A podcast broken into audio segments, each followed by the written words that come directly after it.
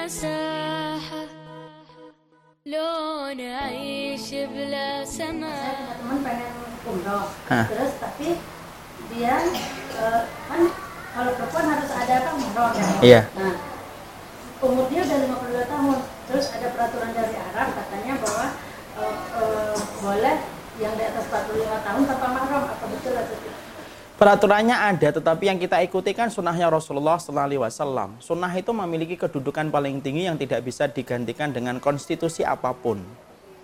Konstitusi apa pun. Jelas bahwasannya perintahnya ayu ma imra'atin eh, la tahilu li imra'atin tu'minu billahi wal yaumil akhir illa antusafira illa wa ma'hadhi mahramin. Tidak sah salat, tidak sah seorang wanita yang beriman kepada Allah dan hari akhir kecuali ketika dia safar lebih dari tiga hari kecuali harus disertai dengan mahramnya. Jadi walaupun kemudian negeri Saudi memperbolehkan tanpa mahram, tapi kalau kita mengikuti sunnahnya Rasulullah maka tetap bersama dengan mahramnya itu lebih utama di sisi Allah Subhanahu wa taala. sekalipun Walaupun itu tua, berarti dia belum diberikan kemampuan. Karena syaratnya kemampuan adalah bukan hanya harta, bukan hanya sehat. Syaratnya kemampuan salah satunya disertai dengan mahram. Beribadah haji ataupun umrah itu beribadah sesuai dengan sunnah. Bukan untuk melampiaskan keinginan kita, Ibu.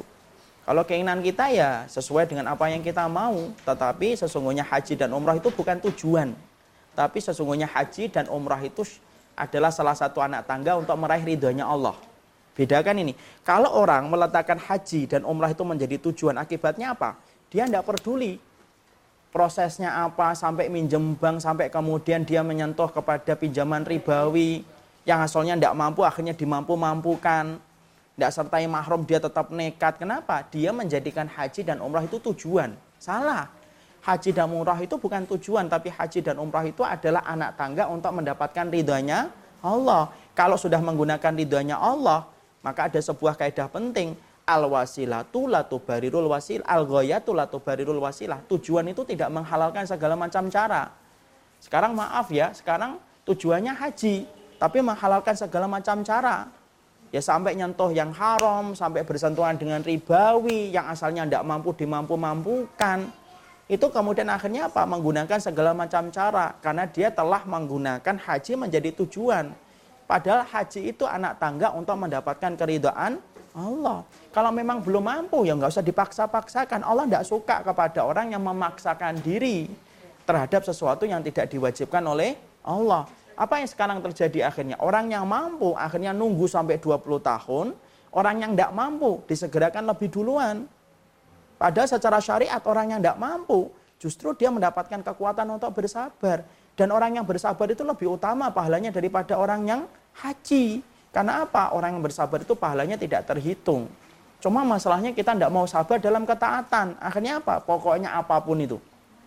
Ini ada kejadian saudara Ana. Sudah diingetin, Ana ngingetin mbak. Tidak boleh tanpa mahram. Mas pokoknya, saya pokoknya mau berangkat. Suaminya tidak berangkat. Biarin. Kan saya tanggung jawab sama Allah. Loh, tanggung jawab sama Allah itu ada syariatnya. Saya tidak peduli. Sudah. Susah. Itu namanya menjadikan tujuan menghalalkan segala macam cara. Ya, apalagi kalau sampai nyentuh yang haram, Masya Allah ya. Saya ingatkan betul. Tidaklah Nabi Adam dikeluarkan dari surga. Itu cuma karena satu gigitan buah yang ada di surga. Cuma satu gigitan tok. Dan itu tidak sampai habis. Allah lepaskan bajunya Nabi Adam sampai diperlihatkan auratnya. Dan Allah langsung turunkan Nabi Adam bersama Hawa. Itu karena satu gigitan tok. Untuk menunjukkan kepada kita masalah gigitan makanan yang masuk ke dalam tubuh itu tidak perkara yang ringan di sisi Allah. Makanya sampai-sampai Imam Ibn Rajab itu berkata di dalam kitab Jamirul Ulum wal Hikam, intinya sunnah itu tiga. Satu, kamu menjaga niat kamu itu ikhlas. Dua, kamu menjaga itibak dengan dalil. Tiga, jaga makanan dan jaga hartamu dari sesuatu yang haram dan syubhat. Kok sampai kita haji nyentuh perkara yang haram itu terus gimana? Kedudukannya di sisi Allah. Padahal jelas Rasulullah itu mengatakan innallaha thayyibun wa la yaqbalu illa thayyiban. Allah itu baik dan tidak pernah menerima yang baik. Tidak pernah menerima kecuali yang baik. Jangan sampai salah. Orang kemudian memakai dalihnya itu salahnya ginilah yang penting kan yang penting kan niatnya saya baik. Tidak semua niat yang baik itu mendapatkan kebaikan, pahala. Abdullah bin Mas'ud jelas mengatakan, "Kamin muridil khair la yusibu." Berapa banyak orang yang bercita-cita kebaikan nggak dapat apa-apa. Ada sebuah kejadian nyata oleh Imam Abu Hanifah. Imam Abu Hanifah itu pernah jalan, kemudian di depannya ada pemuda, kemudian mencuri buah. Kemudian Imam Abu Hanifah ingin negur. Lalu kemudian ternyata pemuda tersebut membagikan buah kepada fakir miskin yang ada di pinggir jalan yang tua-tua itu. Kemudian Imam Abu Hanifah berkata, loh kenapa kamu kok mencuri? Saya kira kamu mencuri untuk laparnya dirimu sendiri. Tapi ternyata kamu sedekahkan. Pemuda itu ngomong, bantah Imam Abu Hanifah. Eh, jangan buru-buru salahin saya. Saya itu kemudian maling, itu dosanya satu. Adapun saya sedekah, itu dilipat gandakan berapa? Dilipat gandakan antara 10 sampai 700 kali lipat. Berarti kalau saya dapat pahala 10 kurangi 1, dapat berapa? 9. Jadi saya masih dapat pahala 9.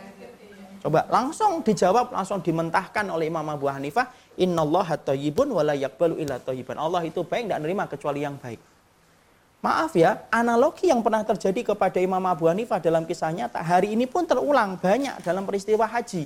Orang mengatakan itu tidak boleh loh riba, ini tidak boleh loh, belum ada um, belum ada mahramnya. Kamu belum wajib loh karena kamu masih belum mampu. Kamu harus bayar utang dulu loh karena utang itu wajib didahulukan daripada hajinya. Tapi mereka mengatakan apa? Loh, yang penting kan saya niatnya. Tapi akhirnya menghalalkan segala macam cara. Itu tidak benar. Paham Ibu? Kayak insya Allah.